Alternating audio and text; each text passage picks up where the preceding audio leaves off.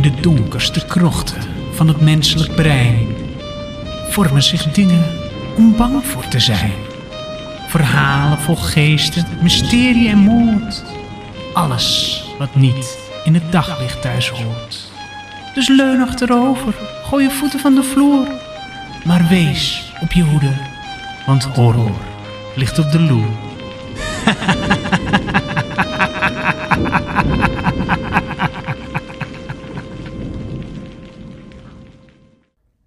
Welkom terug, lieve luisteraars, bij het zesde verhaal uit de serie Horror. Ehm, ik heb vandaag een bijzonder verhaal en voordat ik aan dat verhaal begin wil ik eigenlijk even een korte disclaimer doen. Het is de bedoeling dat mijn verhalen luguber, eng, naar en ziek zijn. Maar het onderwerp van vandaag zou misschien aanstootgevend kunnen zijn voor sommige mensen. Ik wil je er bij deze even op wijzen dat het luisteren naar deze podcast altijd op eigen risico is. En dat je altijd kunt stoppen met luisteren als je dat zou willen. Dus luister je nou straks naar dit verhaal en denk je: hmm, ik heb zo'n beetje het gevoel waar dit verhaal heen gaat en dat vind ik niet prettig. Of ben jij of ken jij iemand die iets soortgelijks heeft meegemaakt? Ehm, schroom dan niet om een keertje te pauzeren, een stukje over te slaan of een keer de hele aflevering over te slaan. Ik heb deze aflevering voor het eerst twee keer op moeten nemen. Ehm, dat is omdat ik dacht slim te zijn en alvast een beetje vooruit te werken. Dus alvast wat nieuwe afleveringen op te nemen voordat ze uitkomen. Um, probleem daarmee was dat gaandeweg ik wat kritischer werd op mijn geluidskwaliteit. En dat ik niet meer tevreden was met het geluid. Dus toen ben ik maar opnieuw gaan opnemen. Ik heb sinds de vorige keer weer wat uh, investeringen gedaan. Ik heb een uh, nieuwe microfoonarm en ik heb weer wat geëxperimenteerd met mijn instellingen. Um, de vorige keer deed ik dat ook, maar ik denk dat ik mijn boost wat te hoog had staan van mijn microfoon. Dus ik klonk wat hol en blikkerig, vond ik.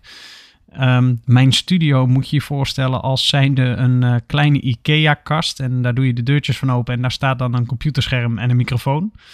Um, ja, dat was enorm hol. Dus ik heb nu allemaal geluidsisolerende platen gekocht en tegen de binnenkant van de kast geplakt. Dus dat verbetert hopelijk het geluid een beetje. Ik hoop ook dat als dit geluid goed is, dat ik dit als een standaard geluidsinstelling kan houden. Zodat het een beetje, ja, hoe zeg je dat, uh, wat meer uniforme afleveringen worden qua geluid. Het verhaal van twee weken terug ging over iemand die wist wat de toekomst bracht. Maar het verhaal van vandaag gaat over iemand die niet weet wat het verleden haar heeft gebracht. Het verhaal begint met een flashback naar een belangrijke dag in het leven van Chantal. En er is op die dag iets vreselijks gebeurd.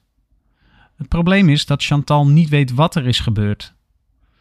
Vandaag de dag weet ze nog steeds niet wat er is gebeurd en probeert ze de puzzelstukjes een beetje aan elkaar te leggen.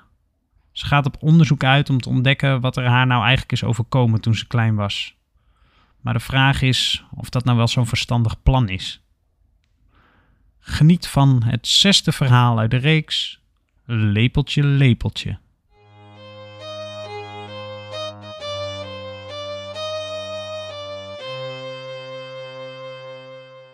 De deur van de keuken slaat met een klap open en een tienjarig meisje stormt de keuken huilend binnen. Haar moeder draait zich om, maar voor ze kan vragen wat er aan de hand is, klemt het meisje zich stevig vast om haar benen. Wat is er, Chantal? vraagt de moeder aan het kind. Maar het kind krijgt geen woord uit de keel. Ze kan alleen maar huilen. Haar moeder geeft haar een knuffel en weet haar naar een tijdje te kalmeren. Wat is er allemaal gebeurd, schat? vraagt ze. Maar wat ze ook probeert, Chantal zegt geen woord. Als even later Chantal haar vader thuiskomt en zijn vrouw en dochter verslagen op de bank ziet zitten, draait hij zich in een ruk om, pakt iets uit de keukenkastje en stormt de deur uit. Zie je wel, ik wist het, horen ze hem nog roepen.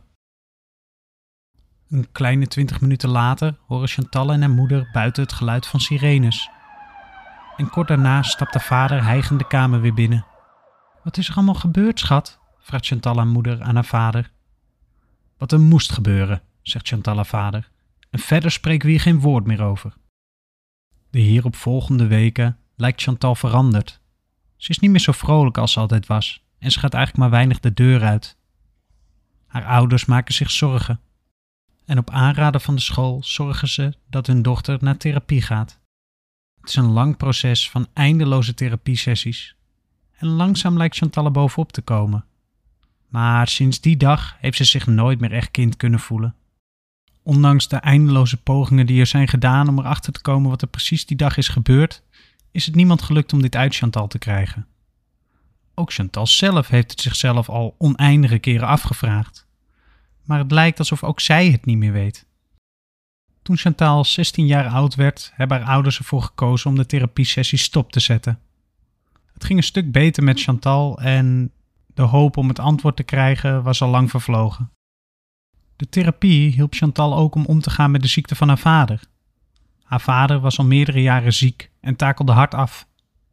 Door de therapie leerde ze de situatie te relativeren en kreeg ze de kans om met iemand te praten over het leven en de dood. Op school ging alles prima en ze besloot op 19-jarige leeftijd om aan het werkende leven te gaan beginnen. Na haar stage in een GZ-instelling kreeg ze een baan aangeboden. En al snel vulde haar spaarrekening zich. Ze vond haar werk leuk en ze genoot ervan.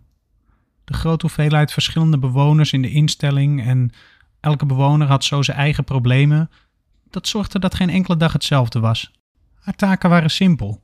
Zorgen dat haar collega's en de bewoners iemand hadden om mee te praten, wat opruim- en schoonmaakwerk en wat lichte administratieve taken. Nu ze al een tijdje een steady inkomen heeft, is ze ook op zichzelf gaan wonen. Ze huurt nu een klein appartementje waar ze alles heeft wat haar hartje begeert.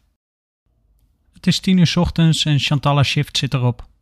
Ze trekt haar jas aan en loopt richting de glazen schuifdeuren. Dag Charles, roept Chantal naar een man die in zijn badjas met zijn neus tegen het raam gedrukt zit om te kijken naar de vogeltjes in de tuin. Dag Chantal, roept hij, terwijl hij zijn neus niet van het glas afhaalt en naar de vogeltjes in de tuin blijft kijken. Charles is echt zo'n lieverd. Vroeger woonde hij in de buurt waar Chantal ouders ook wonen. Maar een paar jaar geleden zou hij een zelfmoordpoging hebben gedaan door een of andere idiote pillencocktail achterover te gooien. Sindsdien woont hij in de instelling en wordt hij goed in de gaten gehouden en intensief begeleid. Charles staat in de instelling bekend om zijn zachte aard. Hij kijkt graag naar de vogeltjes, doet geen vlieg kwaad en knuffelt eigenlijk iedereen zodra hij de kans krijgt. Niemand weet ook eigenlijk precies waarom hij destijds zelfmoord heeft geprobeerd te plegen. Maar sindsdien is het ook nooit meer gebeurd. Zodra Chantal thuiskomt, hangt zij jas op en duikt ze eigenlijk direct in bed. De nachtdiensten vallen haar zwaar. Dat is omdat er een aantal bewoners zijn die simpelweg niet in slaap willen vallen s'nachts. Rond een uur of zes wordt Chantal wakker omdat haar buik rommelt. Ze is er nog niet helemaal aan gewend dat ze wakker wordt en dat ze meteen aan het diner moet beginnen, maar met enige tegenzin sleept ze zichzelf het bed uit en begint ze aan het eten. Even later zit ze aan een gedekte tafel met twee gevulde borden. Dan hoort ze buiten een autodeur. Perfecte timing. Haar vriend is thuis. Even later stapt een jonge, knappe man met halflang haar de kamer binnen. Hé hey, schat, wat fijn dat je al hebt gekookt. Samen dineren ze en kletsen ze wat over hun dag en hun werk. Als Chantal haar vriend de tafel aan het afruimen is, gaat de telefoon van Chantal. Ze kijkt op haar telefoon en als ze ziet welke naam er in het display staat, neemt ze direct op. Joyce? Dat is lang geleden, zegt ze. Joyce is een oude basisschoolvriendin van Chantal. Vroeger speelden ze veel samen in de wijk, maar toen de twee naar het voortgezet onderwijs gingen, verhuisde Chantal haar ouders naar de stad, omdat het dichter bij de nieuwe school van Chantal was en bij het werk van haar vader. De twee hebben nog een tijdje geprobeerd om contact te houden en misschien een keertje af te spreken, maar eigenlijk is dat nooit gelukt. Zo'n vijf jaar hebben ze elkaar eigenlijk helemaal niet meer gesproken. En nu ineens belt Joyce haar. Hey Shanti, hoort ze aan de andere kant van de lijn. Dat is lang geleden. Hoe is het met jou? Het voelt als vernauwds en de twee hangen uren samen aan de lijn en kletsen over van alles en nog wat. Tegen de tijd dat Chantal haar vriend naar bed gaat, besluit Chantal een eind aan het gesprek te maken. We moeten echt een keertje afspreken, zegt ze tegen Joyce. Ja, inderdaad. Oh, daar belde ik ook eigenlijk voor. Niet veel later hebben de twee samen een datum geprikt. Over drie weken zullen ze elkaar weer eens zien. Chantal is helemaal in de nopjes. Even lekker bijkletsen met haar oude vriendin van de basisschool. Omdat Chantal een nachtdienst heeft gehad, heeft ze morgen vrij. Het is nu een uur of elf s'avonds en ze besluit naast haar vriend in bed te gaan liggen en daar wat filmpjes op haar mobiel te gaan kijken. Als ze daar een tijdje ligt, draait haar vriend zich naar haar toe en lepeltje lepeltje vallen de twee in slaap. Het gebeurt geregeld dat de twee elkaar alleen s'nachts treffen, omdat hun werkroosters niet goed op elkaar aansluiten. Ook morgen moet haar vriend weer vroeg uit bed om naar zijn werk te gaan. Chantal, vriend, woont nog bij zijn ouders. Maar nu Chantal haar eigen appartementje heeft, is hij vaker bij haar dan bij zijn ouders. Dat zorgt er in ieder geval voor dat ze elkaar tijdens het eten en s'nachts wel vaker treffen. Als Chantal haar vriend het bed uitgaat en naar zijn werk gaat, geeft hij haar een kus. Chantal blijft nog even liggen. En dan gaat de telefoon. Het is haar moeder. Hoi mam, zegt Chantal. Hoi schat, ik bel even om te zeggen dat het niet zo goed gaat met je vader. We zijn nu in het ziekenhuis en je kunt maar beter zo snel mogelijk komen, denk ik. Chantal hangt meteen de telefoon op en springt in de auto om naar het ziekenhuis te rijden. Als ze eenmaal aankomt in het ziekenhuis, ziet ze haar moeder huilend naast een leeg ziekenhuisbed. Ze is te laat. Haar vader is zojuist overleden. Chantal en haar moeder knuffelen elkaar en stellen elkaar gerust. Chantal heeft het al vaker met haar moeder en met haar therapeut over dit moment gehad en eigenlijk heeft ze het al geaccepteerd voordat het gebeurd was. Het ergste aan de situatie vindt ze eigenlijk dat ze nooit goed afscheid van hem heeft kunnen nemen. Wat zouden zijn laatste woorden voor haar zijn geweest? Hoe zou de laatste knuffel hebben gevoeld en de laatste kus op haar wang? Ze zal het nooit weten. Een week later is de begrafenis. En de avond na de begrafenis kan Chantal de slaap maar niet vatten. Ze is doodmoe, maar slapen lukt gewoon niet. Ze staart naar het plafond als ze ineens in haar ooghoek een gedaante in de deuropening ziet staan. Chantal schrikt en draait zich zo snel mogelijk naar een vriend, die niet wakker te krijgen is en hardop ligt te snurken. Ze kijkt nog eens naar het gedaante en het lijkt een man, maar ze kan niet zo goed zien wie het is en het gezicht is ook niet zichtbaar omdat het te donker is. Chantal probeert nog steeds paniekerig haar vriend wakker te schudden, maar het lukt niet. Het gedaante, dat staat daar maar. Het staart een beetje de kamer in en doet verder niets. Als het Chantal eindelijk lukt haar vriend wakker te schudden, wijst ze angstig naar de deuropening. Maar als haar vriend kijkt, is er niets meer te zien. Wat is er nou? vraagt hij chagrijnig. Er, er stond er net een man. Wat? Er stond er net een man in de deuropening, zegt Chantal. Haar vriend twijfelt geen moment en stapt het bed uit. Met gebalde vuisten loopt hij de kamer uit. Een minuut of vijf later komt hij weer terug. Er was helemaal niemand en alles zit gewoon op slot, dus ik denk niet dat er iemand in huis is. Maar, maar er stond er echt iemand, stamelt Chantal. Misschien verbeeld je het je. Je hebt een hele zware tijd achter de rug en je bent hartstikke moe, zegt haar vriend. Nog even praten de twee door over wat er zojuist is gebeurd. Ga nou maar gewoon lekker slapen, schat. Komt echt wel goed, zegt haar vriend. Er verstrijken twee weken en het gedaante komt geregeld terug. Het lijkt alsof hij steeds iets dichterbij komt. Eerst stond hij nog in de deuropening, maar afgelopen nacht stond hij ineens in de kamer en de deur was dicht. Hij doet verder niets, hij staat daar maar een beetje te kijken. Chantal heeft inmiddels de nodige paranormale blogs afgezocht en het internet uitgepluist om naar een verklaring te zoeken voor het fenomeen. Ze is er inmiddels van overtuigd geraakt dat het haar vader moet zijn, die haar laat weten dat hij nog op de let. Ze is gewend aan de aanwezigheid en vindt het soms stiekem zelfs een beetje jammer als hij er een keertje niet staat. Ze heeft wel eens geprobeerd om tegen hem te praten, maar ze krijgt eigenlijk nooit reactie. Ze heeft er zelfs wel eens over nagedacht om het bed uit te stappen en te kijken of ze hem aan kan raken. Maar elke keer als ze op het punt staat het bed uit te stappen, dan verdwijnt hij of kan ze zichzelf er toch niet helemaal toe zetten. Vanavond komt Joyce langs. Chantal die heeft een lekker wijntje gehaald in de winkel en ze heeft haar vriend voor een weekendje weggestuurd om een weekendje te gaan feesten met zijn vrienden. Om een uur of zeven gaat de deurbel. Chantal doet de deur open. hey, meisje, roept Joyce als Chantal de deur open doet en ze vliegt Chantal om de hals. Die avond gaat er een behoorlijke hoeveelheid wijn naar binnen bij de meiden. En ze halen de nodige herinneringen op van hun jeugd. Het gaat over hoe het vroeger op de basisschool was en over uw vriendinnetjes van de basisschool. En ze halen de nodige herinneringen op over de vele logeerpartijtjes die ze hebben gehad en waar ze allemaal wel niet hebben gespeeld in die tijd. Weet je nog, zegt Joyce, Simon Snoopy? Wie? zegt Chantal verbaasd. Simon Snoopy, reageert Joyce. Die vent waar we altijd aanbelden om een Snoopy te scoren. Chantal denkt even na, maar schudt dan haar hoofd. Nee, daar weet ik helemaal niks van, zegt ze. Ja, natuurlijk wel, zegt Joyce. We waren er bijna elke dag te vinden. We hadden toen een keer van iemand gehoord dat als je daar aanbelde dat je een snoepie kreeg van die man. En sindsdien waren we er ongeveer elke dag te vinden. Chantal schudt nog een keer haar hoofd en trekt de schouders op. Nee, ik kan het me echt niet herinneren, zegt ze. Dat grote huis, zegt Joyce. Hij woonde daar samen met uh, die andere man. Ze waren een setje, geloof ik, die twee. Huh? Welke man? reageert Chantal. Jeetje, uh, ja, hoe heette die man ook alweer? Uh, Charlie, Charles... Charles? reageert Chantal verbaasd. Ja, die ja. Charles, inderdaad.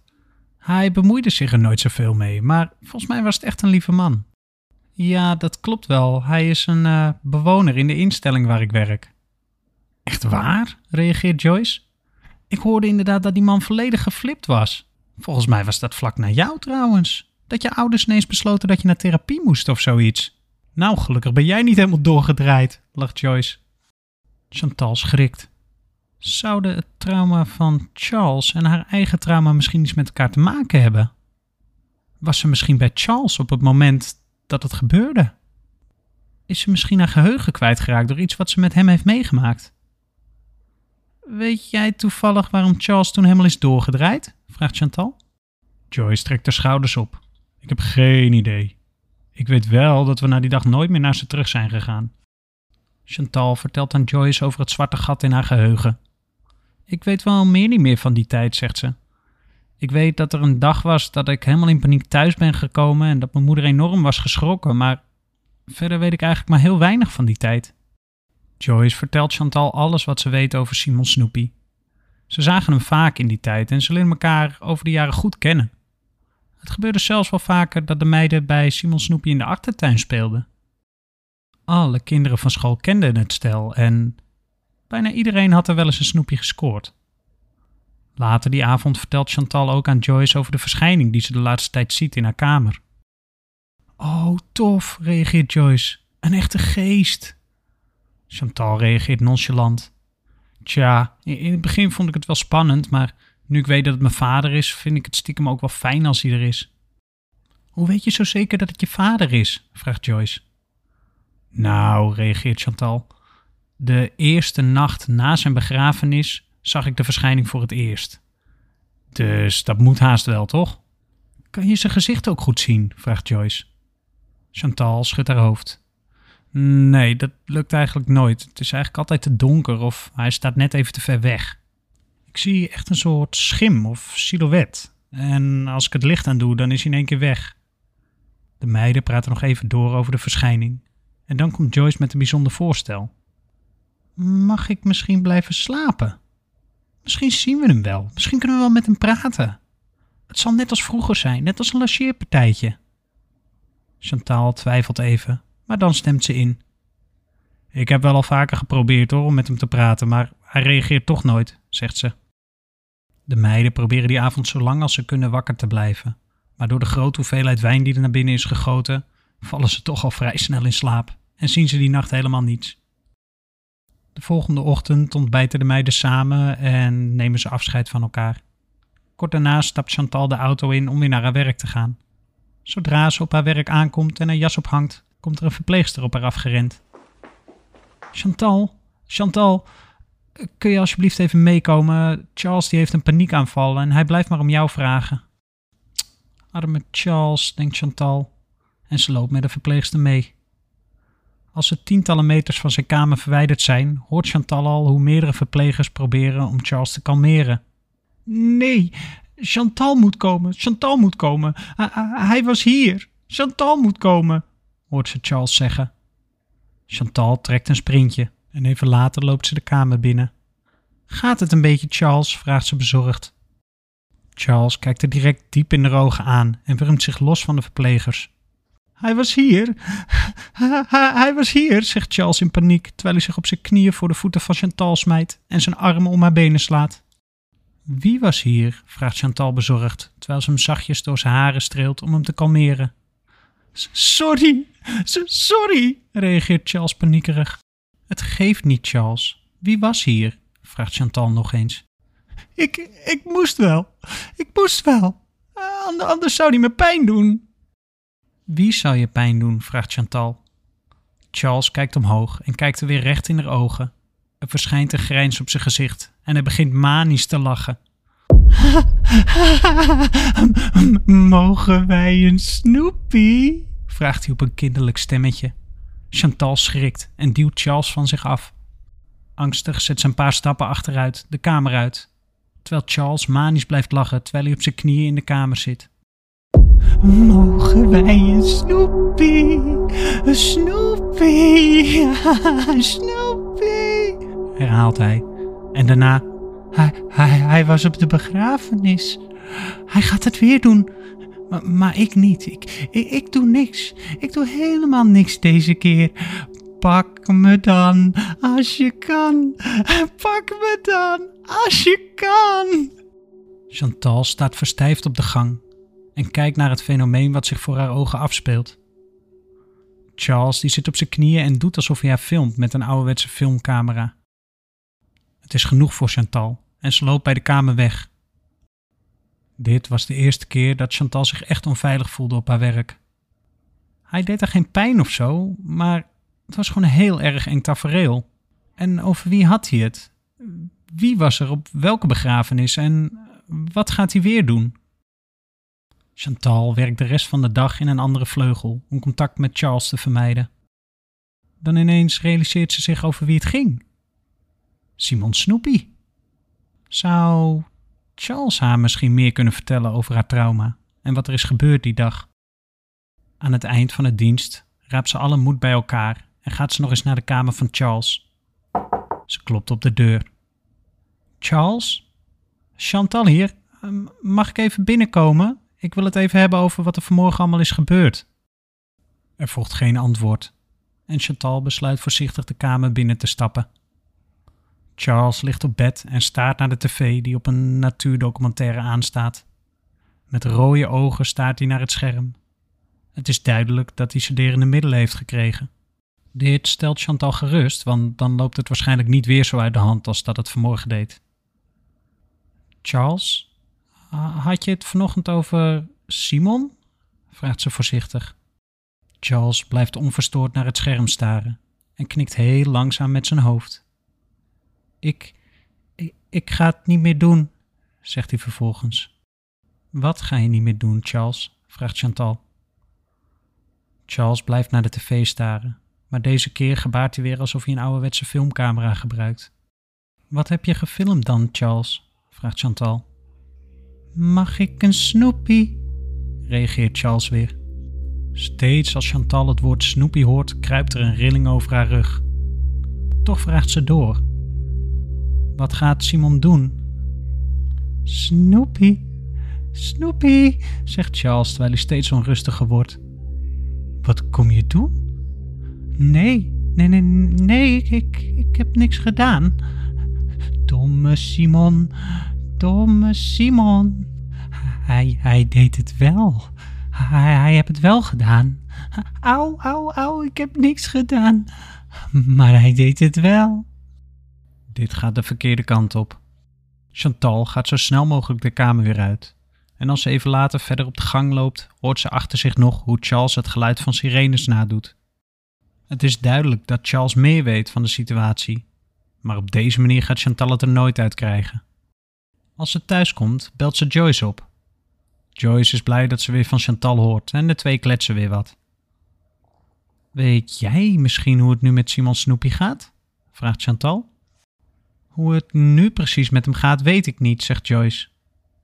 Maar ik weet wel dat die dag ineens de hele straat vol stond met politie en ambulance. Misschien heeft hij wel een ongeluk gehad. Ik geloof dat hij werd afgevoerd. Was je daar misschien niet bij betrokken dat dat je heeft getraumatiseerd of zo? Misschien, zegt Chantal. Maar wat kan er dan met hem zijn gebeurd? Geen idee, zegt Joyce. Misschien was het wel heel erg. Maar misschien is hij wel overleden of zo. Oh, dat zou misschien ook wel verklaren waarom die Charles zo is geflipt. De twee praten nog even verder en dan vertelt Chantal over wat er vandaag op haar werk is gebeurd. Ze vraagt of Joyce misschien nog een keer een nachtje wil blijven slapen. Haar vriend komt morgennacht pas thuis en na wat er allemaal is gebeurd vandaag vindt Chantal het toch niet zo fijn om alleen te slapen. Sorry meis, ik kan echt niet. Ik moet morgen vroeg werken en ik heb vanavond bezoek. Maar je kunt me altijd bellen als dat helpt. Het is niet anders. Chantal zal toch echt alleen de nacht door moeten brengen. Stiekem hoopt ze dat haar vader weer in haar kamer zal staan om haar te beschermen als dat nodig is. Dan is ze toch niet echt helemaal alleen. Die nacht ligt Chantal te slapen als ze ineens wakker wordt van het geluid van een krakende deur. Is haar vriend nu al thuis? Ze kijkt naar de deur, maar de deur is dicht. Ik zal het wel gedroomd hebben, denkt ze, en ze doet haar ogen weer dicht. Voordat ze in slaap valt, heeft ze ineens het gevoel dat ze wordt bekeken. Nieuwsgierig kijkt ze naar de deuropening om te kijken of het gedaante er weer staat. Maar er staat helemaal niets. Even later voelt ze een koude lucht over haar rug. Met haar ogen nog dicht voelt ze aan de deken en probeert ze die over haar rug te trekken. Maar dan merkt ze dat de deken al over haar rug heen zit. Als ze zich omdraait en haar ogen open doet, schrikt ze. Het gedaante staat pal naast het bed, aan de kant waar normaal haar vriend ligt. Gelukkig kalmeert Chantal al snel weer. Hoi pap, zegt ze zachtjes, en ze draait zich vervolgens weer om om verder te gaan slapen. Haar vader moet hebben gemerkt dat ze zich niet prettig voelde, en daarom zal hij wel dichterbij zijn komen staan om haar een veilig gevoel te geven. En dat werkt. De volgende dag is Chantal vrij en ze ruimt het huis een beetje op. Komende nacht zal er vriend er weer zijn, dus het is wel fijn als het huis een beetje netjes is. Tussen een grote stapel oude papieren van vroeger vindt ze een foto van vroeger waar ze samen met Joyce op staat. Ineens herkent ze het huis op de achtergrond. Dat is het grote huis waar Joyce het over had, denkt ze. Haastig zoekt ze tussen de oude papieren en de mappen om te kijken of er nog meer foto's van haar en Joyce van vroeger zijn. En ja hoor, ze vindt een foto waar zij en Joyce op staan, samen met twee mannen. Een van de mannen herkent ze direct. Dat is Charles. Hij kijkt op de foto een stuk helderder uit zijn ogen dan dat hij vandaag de dag doet. En de andere man, dat moet dan wel Simon Snoepy zijn, denkt ze. Toch herkent ze hem niet helemaal en ze inspecteert de foto nog eens goed.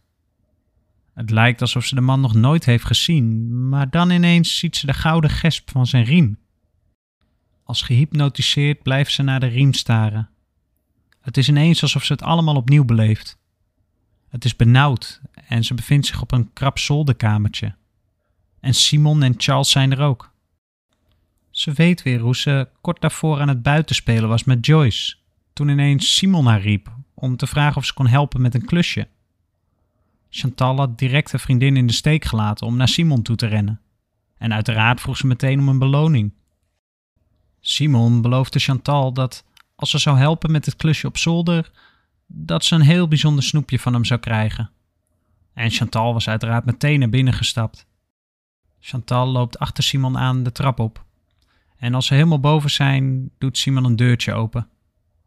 Chantal loopt naar binnen en Simon loopt achter haar aan.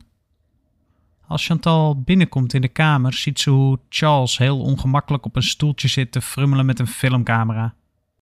Er hangt een gekke sfeer in het kamertje en het is bloedbenauwd.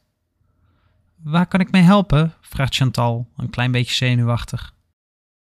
Als ze omkijkt naar Simon, ziet ze hoe hij haar aankijkt terwijl hij met een langzame beweging de sleutel in het slot omdraait. Dan werpt hij een gefrustreerde blik naar Charles, die nog steeds onrustig aan het rommelen is met de camera.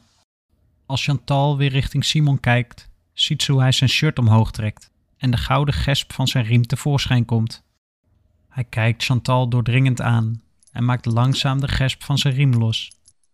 Filmen, Charles, sist hij naar Charles, terwijl hij geen oogcontact verbreekt met Chantal. Charles frummelt onrustig aan de camera door en probeert het klepje open te krijgen. Zijn handen trillen zo erg dat hij de camera bijna laat vallen. Simon kijkt boos in de richting van Charles. Filmen, imbeciel! Simon trekt boos in een vloeiende beweging de riem uit zijn broek en met een wijde zweepslag slaat hij de gouden gesp tegen de knie van Charles. Charles jammert het uit van de pijn en begint met één hand te filmen terwijl hij met zijn andere hand naar zijn knie grijpt. Een traan rolt over zijn wang en dan kijkt Chantal weer richting Simon. Ze ziet hoe Simon zijn broek op de grond laat zakken. Chantal smijt snel de papieren van zich af. Ze weet alles ineens weer. Alle puzzelstukjes vallen nu in elkaar. Ze is misbruikt door Simon. Haar vader moet een vermoeden hebben gehad en heeft die dag iets uit de keuken gepakt om Simon een lesje te leren.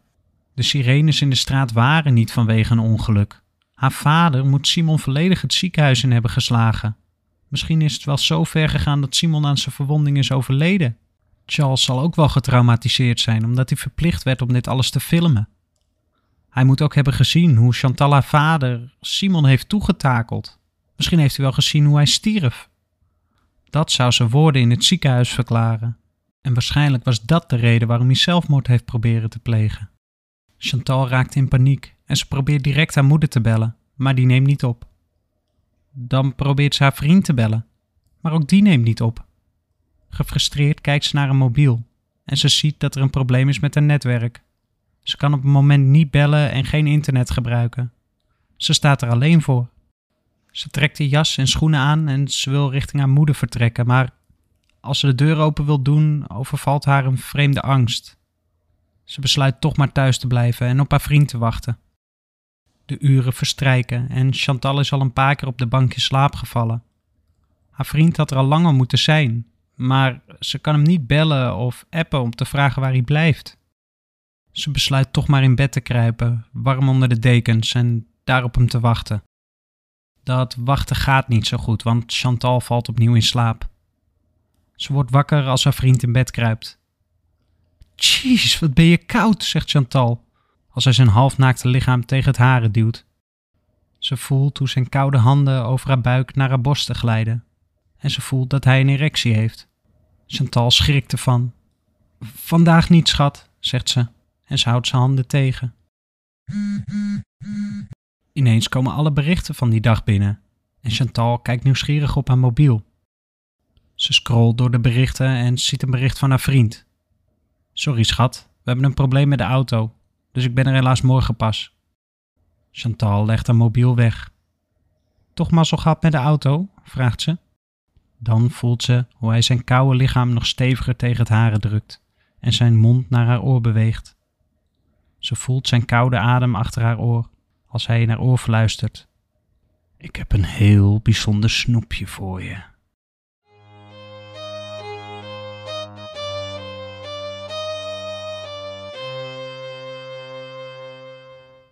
Dat was dan het zesde verhaal. Lepeltje, lepeltje. Chantal was niet zo heel blij, denk ik, toen ze ontdekte dat die vieze oude Simon, die eigenlijk al jarenlang dood is, ineens naast haar in bed lag, in plaats van haar vriend, die ze al een tijdje verwachtte in bed. En voor de oplettende luisteraar was het gedaante wat ze al een tijdje zag in de slaapkamer Simon, die had besloten om na de dood van haar vader toch weer een beetje toenadering te gaan zoeken bij Chantal. Kennelijk had Simon ook nog eventjes zijn oude vriend bezocht om die te gaan vertellen wat hij allemaal wel niet van plan was. En misschien had hij hem wel weer gevraagd om de boel te filmen. Gelukkig wist Charles deze keer wel beter, maar het was niet echt goed voor zijn psychische gesteldheid. Dit was het zesde verhaal van Hoor Hoor, maar de vraag is eigenlijk even, was dit ook horror? Als je het mij vraagt, kan het niet veel enger dan dit. Het is een combinatie van seksueel misbruik, trauma's, geesten, paranormale gebeurtenissen, allemaal in één verhaal. Dit vind ik doodeng. Ik had laatst een gesprek met een vriendin van me over de podcast. En toen hadden we het er ook over van wanneer is iets nou eigenlijk horror? En ik denk dat dat per persoon verschilt. De een die zal doodsbang zijn voor spinnen, de ander voor geesten, de ander voor enge clowns. Ik denk dat iets pas echt eng is als dat voor jou persoonlijk iets is waar je echt moeite mee hebt. Het zou kunnen dat je de afgelopen verhalen geen moment kippenvel hebt gehad. Het zou kunnen dat je één verhaal echt super eng vond. En het is ook de bedoeling dat ik zoveel mogelijk variatie in mijn verhalen gooi. Als de verhalen niet echt eng voor je zijn, dan hoop ik in ieder geval dat de verhalen wel lekker wegluisteren voor je. Een gewoon spannend verhaal is natuurlijk ook prima. Volg mij voor de ontwikkelingen op Instagram, hoorhoorpot. En zoals gewoonlijk rest mij nog één ding te zeggen, dat is... Wees op je hoede, want horror ligt op de loer.